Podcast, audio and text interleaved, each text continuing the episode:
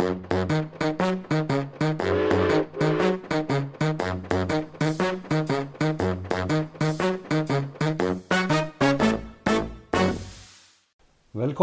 til en valentinepisode på podkasten Ekspedert. Alt har jo sin pris.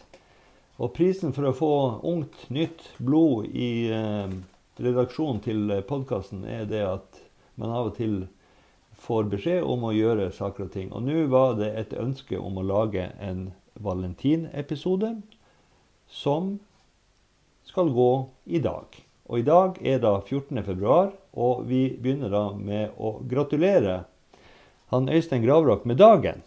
Takk skal du ha. Hyggelig å være her igjen. Ja. Eh, vi to vi skal prøve å lose de eh, kjærlighetssyke lytterne gjennom eh, en drøy halvtime med valentinhistorie. Og eh, i det hele tatt hvorfor eh, valentinsdagen er blitt en sånn spesiell dag for de som har hjerter i eh, brann. Øystein, har du noe kunnskap om han Sankt Valentinus? Nei, jeg har ikke det. Og jeg syns også det er litt artig tror når vi inviterer til vi to gamle gubber skal sitte og prate om det her temaet her. Men det kan bli interessant. Jeg vil jo føye til at den berømmelige datoen 14.2, når jeg vokste opp, så visste jeg ikke noen bakgrunn. Men eh, det var to karer som jeg visste var født. Det var Kevin Keegan og Jimmy Hoffa. Ja. ikke født på 14.2. Det er ikke dårlig.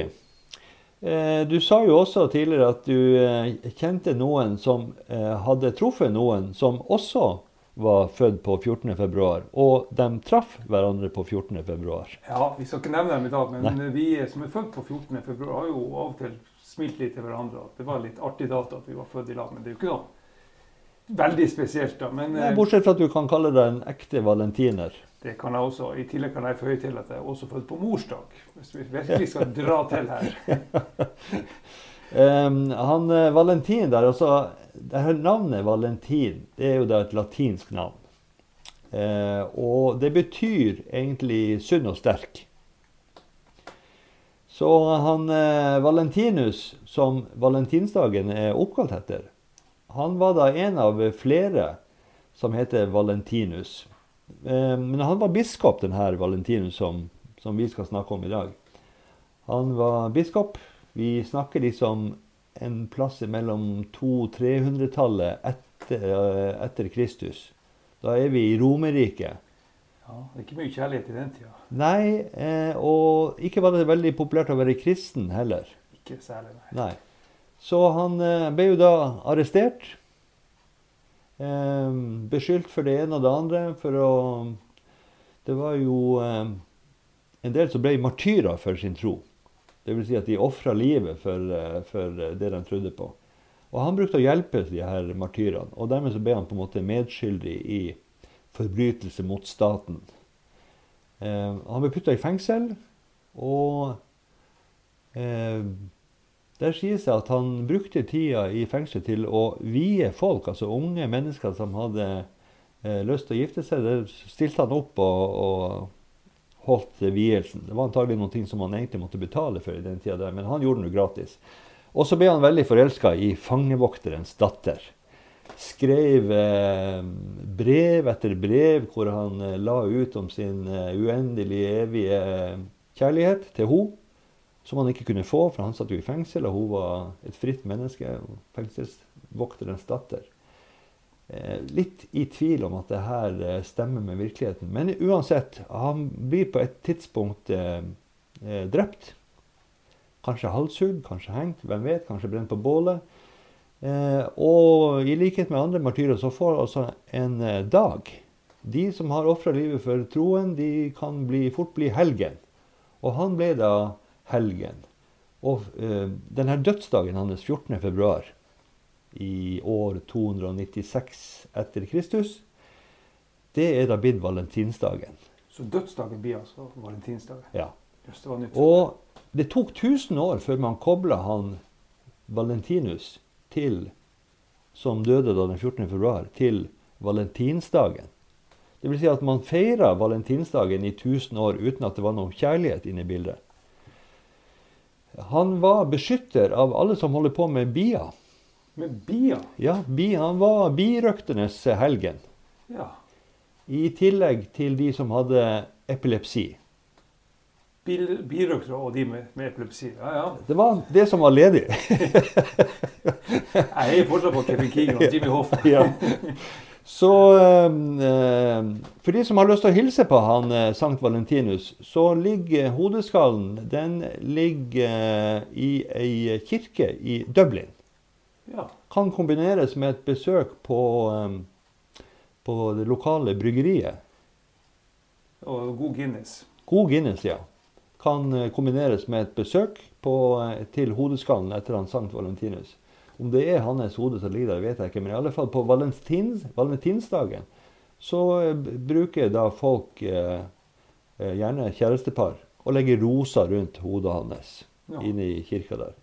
Eh, Resten av kroppen hans, resten av beina, de ligger da i ei eh, Sankt Valentinskirka i Roma. Så det her kan du, Trond. Du har Jeg har eh, pløyd meg ned i det her, for jeg tenkte at eh, hvorfor har vi en valentinsdag? Ja, det har jeg òg egentlig. ja, nå vet du litt da. For, litt, ja. eh, og så er det, han, eh, han ble da begravd på den her ho romerske hovedveien fra Roma til Rimini. En eller annen plass der. Det er en veldig lang vei. Ja, ja. Så den som knytter Roma med Nord-Italia. Så akkurat hvor hen på denne veien, det er jo mange muligheter. Så, men der ligger han altså, visstnok. Bortsett fra hodet da, og, og beina. Som ja, de bruker å dele og sende rundt. Ja, det var såkalte relikvier. Ja, de var glad i Eh, det. ja, og hvis du fikk ta på en sånn her relikvie, så kunne det skje et mirakel. Ja. Kanskje du fikk den som du eh, elska høyest. Du kunne i hvert fall be om det. du dabber litt av akkurat den tradisjonen der. Ja. Eh, det som er litt pussig, det er jo det at det tar 1000 år. Altså, eh, Den katolske kirka de da etablerer 14.2 som den dagen man skal, man skal minnes han Sankt Valentinus, som overhodet ikke hadde noe med kjærlighet å gjøre i 1000 år. Bare birøkting og epilepsi. Og så dukker det da opp i England en poet. Eh, poet og kjærlighet og dikt, det, der er det ei kobling. Hjerte, smerte. Ja, det, det, det ligger noe der. Det er en vanskelig kobling. Det fins en kobling. Du er en poet. Det vil jeg kanskje ikke bruke så sterke ord, men jeg er glad i ord. ja, det er poeter også.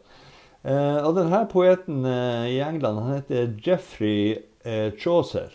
Han blir da kalt for eh, det engelske språkets eh, far. For han eh, skriver massevis av historie og vers og dikt.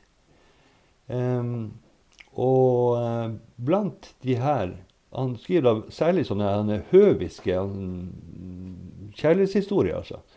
For allmuen. Og på en høvisk måte. Altså på en høflig måte. Ja. For det var da, datid, altså på 1200-1300-tallet så er det jo riddere, eh, turneringer, og alt sammen skal foregå. Man skal be om eh, den yndiges hånd fra hennes far, eller noe sånt. Og alt skal gå Ja, det er jo da kyskhetsbeltet dukker opp. Yes. Ja, det, vi skal ikke gå inn på det i denne episoden, altså, men eh, det er heftige greier. Det er litt, kristendommen sin ja.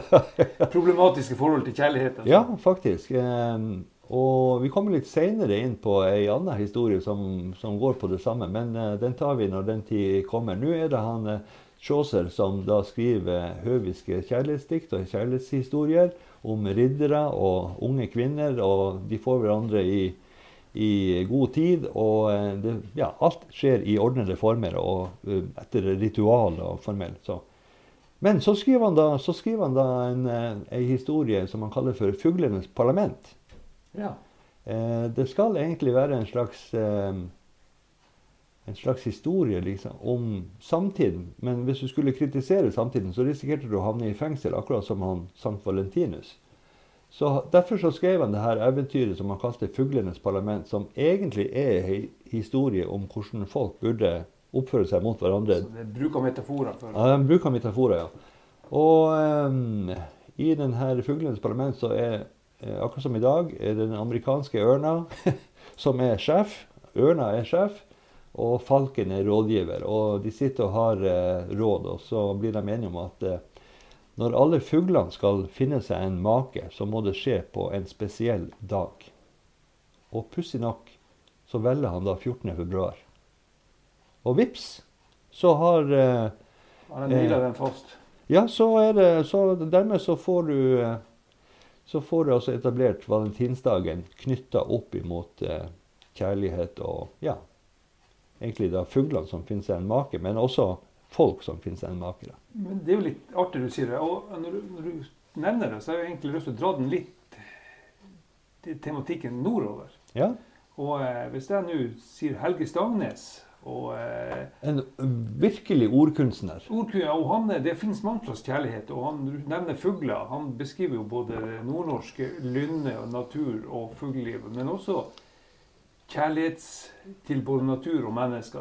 Jeg husker et vers han skrev, et dikt som heter 'Rakarpia'.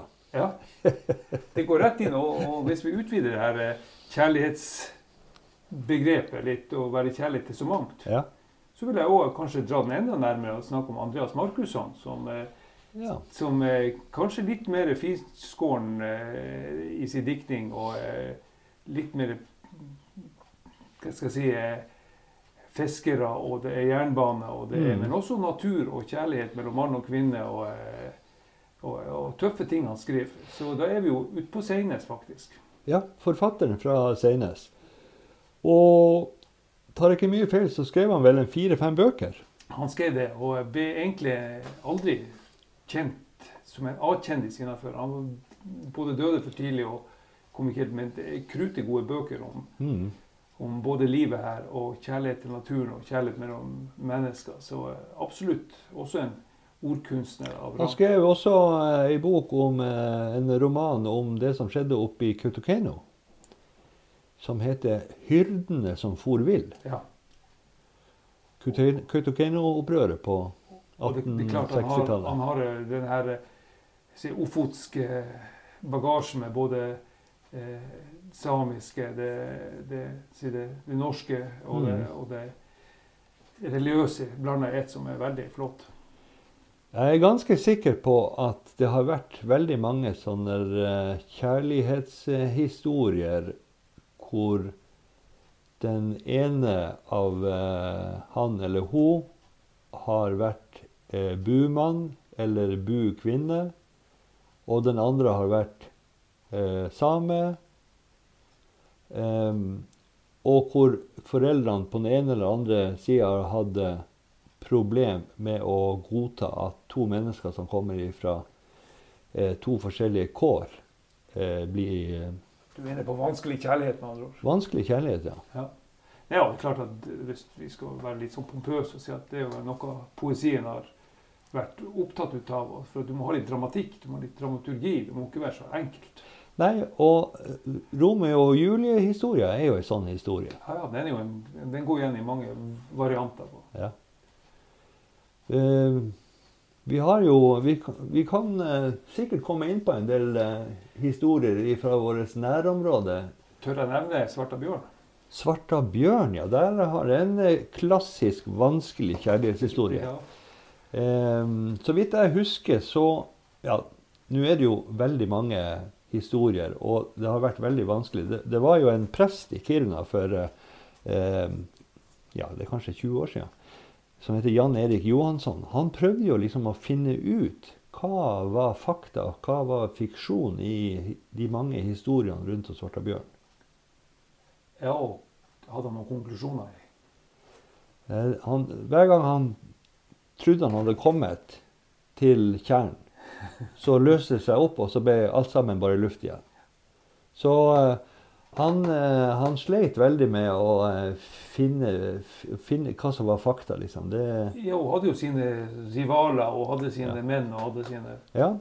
Eh, Han, en svensk forfatter som heter Ernst Didring, han skrev jo om Svarta bjørn, og også han som skrev de, to første bindene av Narviks historie.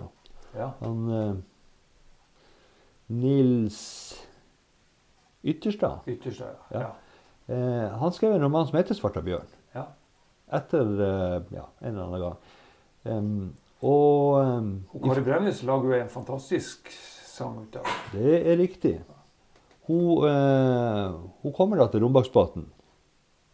Eh, så får hun skyss opp på fjellet. Eh, hun vil ikke si hva hun heter, eh, annet enn eh, fornavnet. Og så En plass så står det at hun havna da på et arbeidslag på, det, på svensk side. Og der kommer det en lyslugga, kjekk, ung eh, eh, svenske eh, fra sør i Sverige en plass. Fra Värmland. Og han får da tilnavnet Värmlandspoiken. ja. Eh, og de blir forelska i hverandre. Og så er det en dag de mener i Rombaksbotn hvor han eh, havner i slagsmål med en annen bas om et eller annet. Og kniven kommer fram, og han Värmlandspoiken klarer å rispe noen, noen eh, sår på han eh, basen.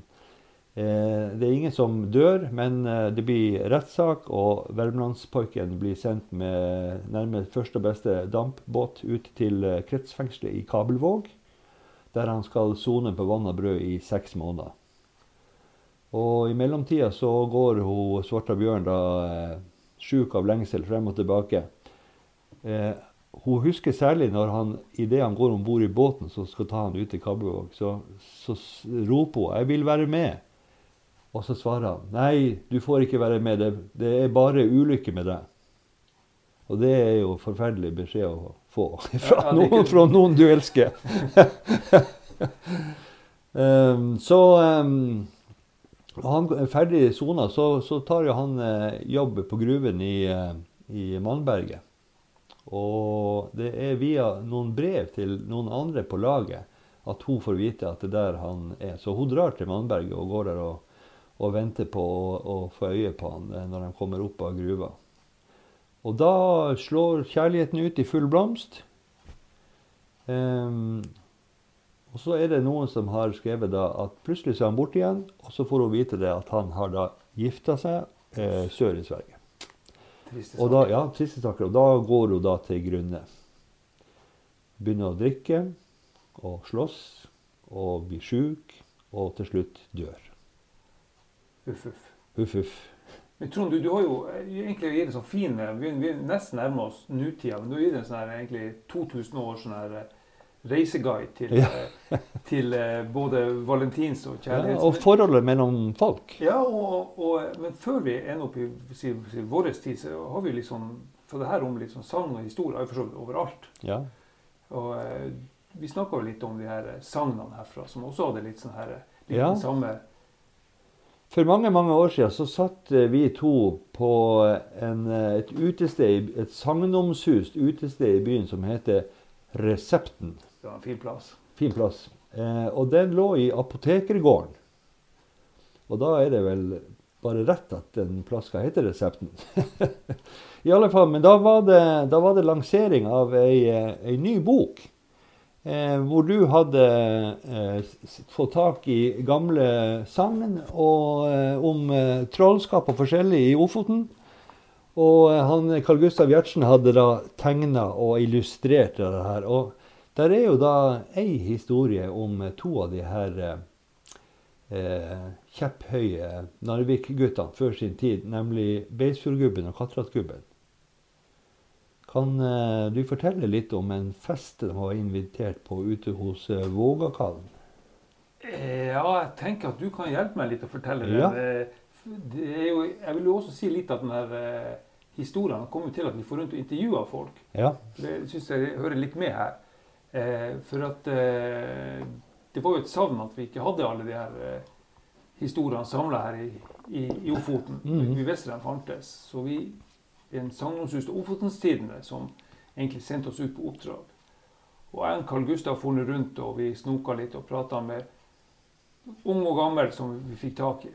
Og nesten uten unntak så var det mannfolk som vi fikk tak i. Men, men alle dem sa denne historien har vi hørt av mor vår. Før vi var små. Så, så de var bringt videre av, av mora på, mens de var små. da. Ja. Og det her er eh, og, og, og den får ut til Lofoten og, de andre his- historiene ved fjellene, det handler jo mye om de fjellformasjonene som ja. på en måte har stivna til i Ja, for det, det jeg leste, det var det at for å dra til, eh, på fest hos Vågakan, så var de avhengig av skyss, for det er jo mange sund og fjorder du skal over. Og da var det jo han eh, reven som ligger gjemt under revørene over på Gråfjordsida, som frakta dem. Ja. Eh, og de, eh, han eh, Katratgubben og Beisfjordgubben, de har vi jo eh, fremdeles i området vårt. Eh, de var jo kjent for å være altså De brukte å skjenke seg godt og lage mye spill opp. Men han eh, Beisurgubben han var jo hele tida ute etter å, å eh, spenne bein for Katteratgubben. De hadde jo et sånn innbyrdes konkurranseforhold i forhold til, til det motsatte kjønn særlig. Ja. Eh, og han eh, Katteratgubben var låghalt. Så han hadde et handikap når han skulle danse. Det gikk ikke så lett for seg. Nei, og på de her trollfestene så var det jo veldig mye dansing, skjenking og festing. Og sene nattetimer. Og sene nattetimer. ja. Det var gjerne på natta det foregikk. De var gjerne For de var jo de var, eh, nærmest allergiske mot lys. Og det, det er jo noe som til slutt ville føre dem ganske ille, for til slutt så kom jo lyset. Nemlig.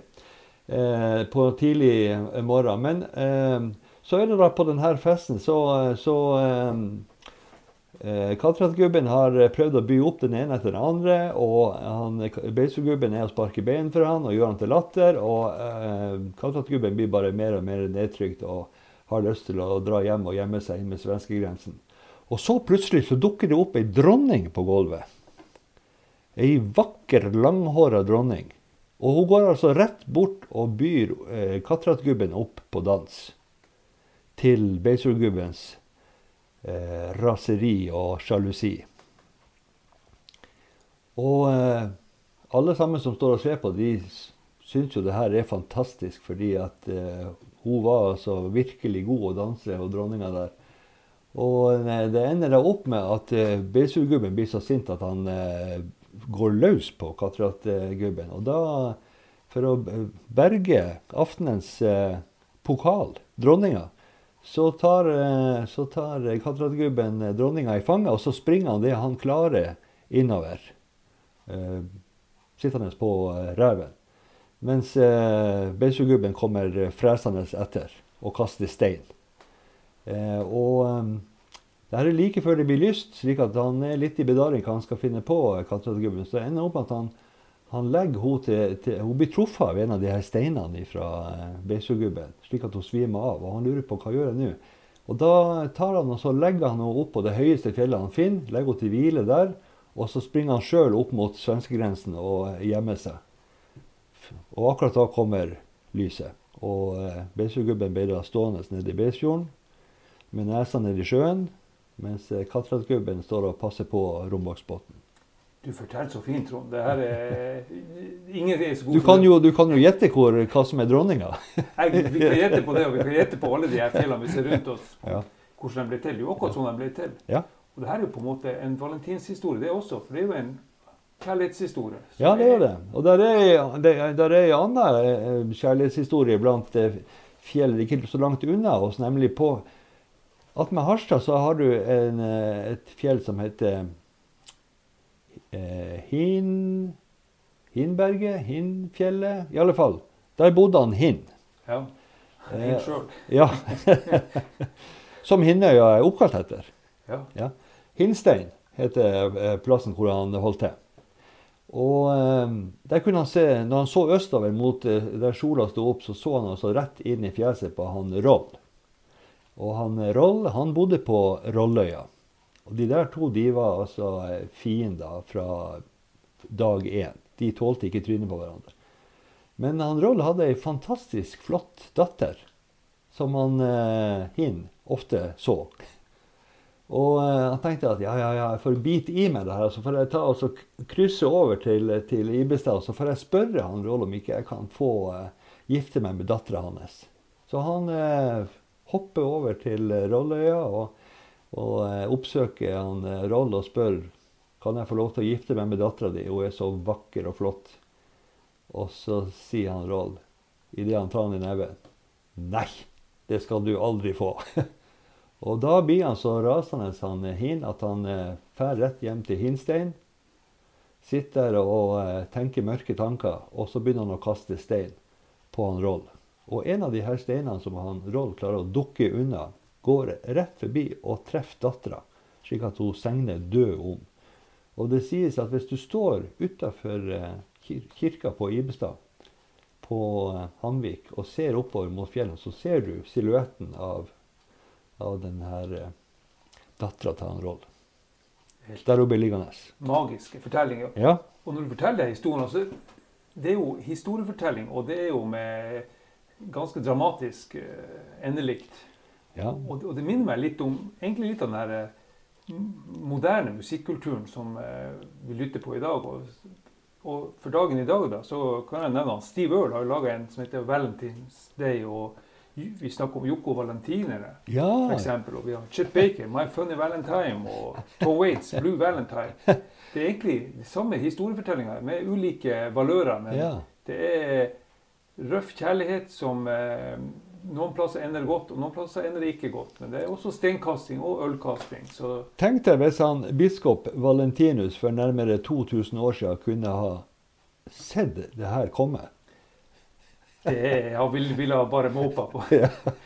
Nei, men Det er litt artig også, når, vi, når vi snakker om det her, og ser hvor det tar litt nye former. Men det er, litt, det er historiefortellinger, og det er litt av de samme elementene som blir brukt. Du nevnte Romeo og Julie, men de, de går igjen i, i mange fasonger. Ja. Eh, dere i Groms plass har jo en Rebekka-melodi. Vi har jo det, og eh, den Anna Rebekka-låten er jo en eh, oversatt sak av Bill Booth, som, som er veldig begeistra for Ja. eh, Ofoten og Narvik. Og han har jo eh, gifta seg med ei som har koblinger til, til Narvik. da. Ja. Eh, og han har vi jo spilt litt sammen med, så, eh, så den Anna Rebekka-låten er jo det. Men vi har jo òg litt Vi har jo blitt utfordra på har dere noen kjærlighetslåter. Ja. Svaret er jo nja Ikke, kjærlig, ikke Halvdan Sivertsen kjærlighetslåter, men eh, vi, eh, vi har jo litt eh, historier der eh, både kvinner og menn både møtes og må, må kjempe litt i lag. Og, og det har jo vært et litt sånn tema vi har hvis folk gidder å lese tekstene, så, så finner du i, i flere av sangene alt fra både 'Tida er den samme' og 'Gyllent øyeblikk' og 'Solgull'. Og 'Jeg ser Ja. etter regn' og 'Sukkerveien'. Det er jo liksom, det er jo mødrene som blir ja. tatt opp der. Ja, det er det. Så det er jo litt, litt artig å, å putte, inn, putte inn sånne tematikk også. Nå i forbindelse med at han Lillebjørn Nilsen døde, så ble han eh, Halvdan Sivertsen intervjua eh, for å si noen, eh, noen ord om sin gamle kompis. Og så ble han spurt om han hadde noen favorittlåt. Lillebjørn Nilsen hadde jo laga massevis av låter. Det er helt umulig å liksom plukke ut en favorittlåt. Men han nevnte en som ikke blir så ofte spilt, som eh, handler om det her eh, møtet som kunne blitt noe mere, men som bare blir det møtet. Og så er det liksom fortsettelsen får eh, synge videre oppi i hodet til de som hører på. Ja, veldig fint Så. Og, og da er vi inne på det som er fryktelig, fryktelig vanskelig hvis man skal holde på sysle litt med det her. Det er jo så mye klisjeer og klisjer. Greier, så du, du havner fort i, i grusom grøft. Altså. Hjertesmerte. Så, eh, så da er vi litt tilbake igjen til Jimmy Hoffa og eh, Ja. Kevin Keegan. Altså, det er lettere å, å, å snakke om eh, litt fotball, og det er lettere å snakke om fjell og natur. Og, men, men med en gang du begynner å snakke om litt sånne her, eh, relasjoner mellom folk, er det, det blir Ja. fort klisjeer. Vi guttene vi får jo ofte eh, kritikk for at vi ikke vil snakke om følelsene. Ja, men det, det, der vil jeg jo hevde at det er mange måter å altså, altså kjærlighet til både båt, nære ting, eh, kortreiste ting og eh, de gode både vennskap og kameratskap, og, og også selvsagt mellom han og hun, er jo Det er mange måter å skrive nærhet. Ja, og for de som eh, går rundt og lurer på om menn har følelser i det hele tatt Så kan vi bekrefte at det har de ikke. eh, Nei. Men eh, det er en finsk badstue-film Ja.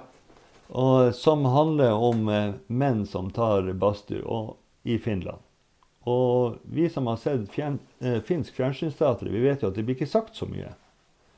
Eh, men det, det, når du ser denne filmen, så skjønner du at det faktisk er veldig mye følelser også inni en, eh, en, eh, et mannshode eller en mannskropp. fordi at de har jo utrolig omsorg for hverandre. Jeg har i populærmusikk fra Vittula, der det beskrives at du i også i badstuscena der man Ja, råd til far, fra far til sønn. Altså, han- du skal i Ja, kun lese, lese, ja. instruksjonsboka. ja. Det får holde det. Noe mer skal du ikke befatte deg med, for det er altfor mye følelser. Ja, altfor mye følelser. Ja, altså I denne, i denne scenen hvor de sitter nede i badstua, og hans sønn regner med at nå skal han få høre historier om hvordan man lager barn, Mm. eh, for å unngå at han skal gjøre det. For han er blitt eh, 12-13 år og eh, i puberteten. Men det han får høre hos faren, det er jo det at eh, han må ikke ha eh, Han må ikke bli kjæreste med ho, og ikke med ho, og ikke med ho, og, eh, og ikke med ho. Og så spør han ja, men hvorfor ikke det? Det her er jo flotte jenter, og noen av dem går i klassen min, og noen går i klassen over. Og, og så sier faren det er fordi at eh, jeg er faren deres. og så går, han jo, så går han jo opp til mora, og mora lurer på hva i verden var dere snakka om i badstua i dag, for du, du er helt forandra. Og så sier han ja, pappa har sagt at jeg får ikke være sammen med henne fordi at eh, han er eh, pappaen deres. Slapp av, sier hun. Han vet ikke at det, eh, det er ikke han som er pappaen din. Her er klart, her er en annen form for valentinshistorie. historie. Finsk kjærlighet. Ja. Ja, veldig, veldig bra.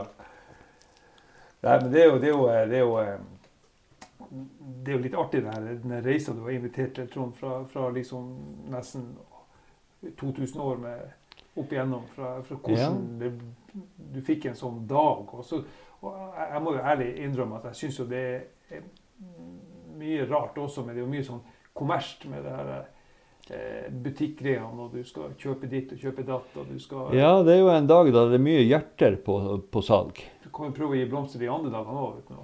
Ja, det er jo mitt råd. Ja.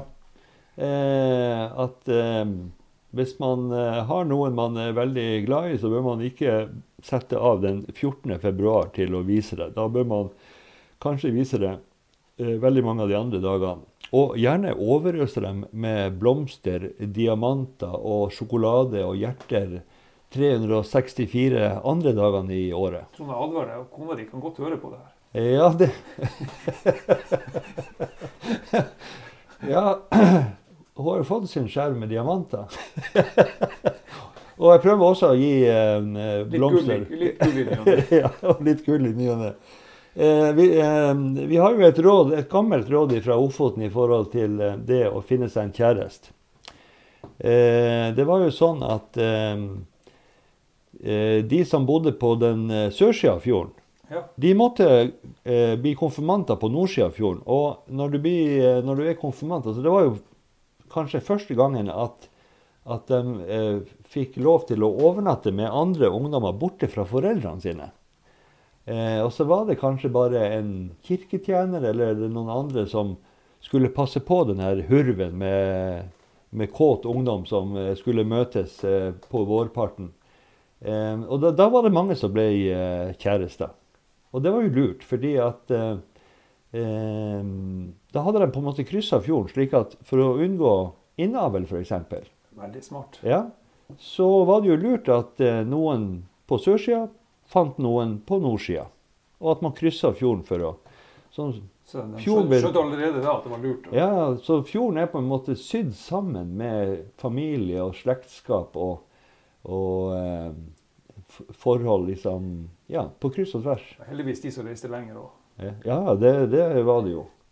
Eh, blant annet under på 1800-tallet, når vi hadde massevis av uår og hungersnød i Nord-Finland og Nord-Sverige, så kan vi jo se i folketellingen at nesten i hver, på hver eneste gård var det én eller flere tjenestepier eller tjenestegutter, drenger, som, hadde, som hadde, var døpt eller født enten i, eh, i uh, Jukkasjärvi eller lenger nedover langs uh, Tornedal. Så um, der er jo et, et, egentlig et sterkt innslag av, av kvensk i Ofoten, uten at du merker det i, i dag, fordi at det er såpass lenge siden. Men det er klart at de her, tjeneste, de her ungdommene som kom over fra Finland, og som for å få tak over hodet og mat begynte å jobbe som tjenestefolk, de la seg opp etter hvert